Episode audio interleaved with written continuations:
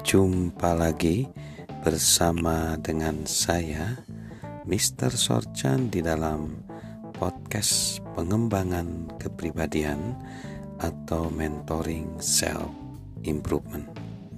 Pada saat ini kita akan membahas bagaimana kita tetap menjaga sikap kita di jalur yang benar agar kita berhasil.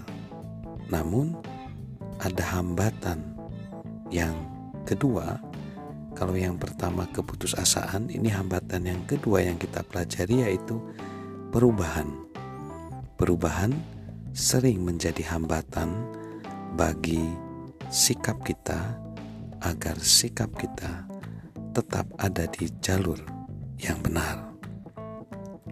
Diceritakan pada tanggal 3 Agustus 1492, Columbus berlayar dari Palos di Spanyol Selatan untuk mencari suatu jalur barat ke Asia.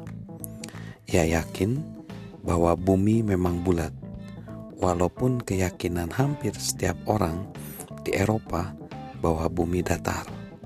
Sebagian besar orang yakin bahwa sebuah kapal yang berlayar ke arah barat akan jatuh di tepi bumi.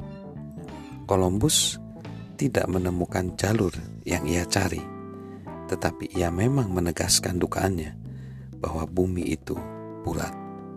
Dan setelah berbulan-bulan eksplorasi dan kehilangan satu kapal, ia kembali ke Palos pada 15 Maret 1493 sebagai seorang pahlawan. Dan dalam waktu beberapa bulan, perspektif setiap orang di Eropa tentang bumi berubah secara drastis. Itu menyebabkan suatu revolusi cepat dan mengubah dunia. Benarkah begitu? Tidak begitu tepat. Columbus dianggap sebagai pahlawan saat pulang dari perjalanan, dan ia dihargai karena menemukan tanah-tanah baru.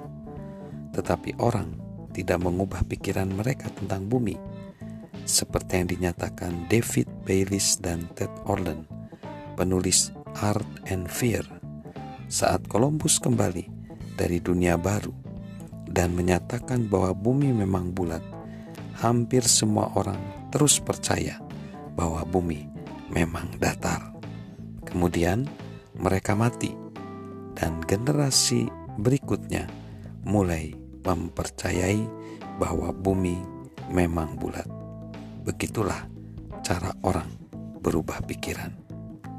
Jadi, perubahan itu tidak mudah ya, bahkan membutuhkan satu generasi. Pada kenyataannya, setiap orang menolak perubahan. Selama beberapa tahun, saya pun mengira bahwa pemimpin-pemimpin menyukai perubahan, dan setiap orang yang lain tidak. Namun, sebagai seorang pemimpin yang memiliki visi, saya selalu merasa bahwa saya sedang menarik para pengikut yang enggan ke masa depan. Tetapi akhirnya saya menyadari bahwa para pemimpin tidak menyukai perubahan sama seperti pengikut pengikutnya, kecuali tentu saja jika itu adalah ide mereka. Nah, nanti di segmen berikutnya kita akan bahas mengapa orang menolak perubahan. Perubahan harus dihadapi untuk kita menjadi orang yang berhasil. Salam mentoring, salam sukses luar biasa dari saya, Mr. Sorchan.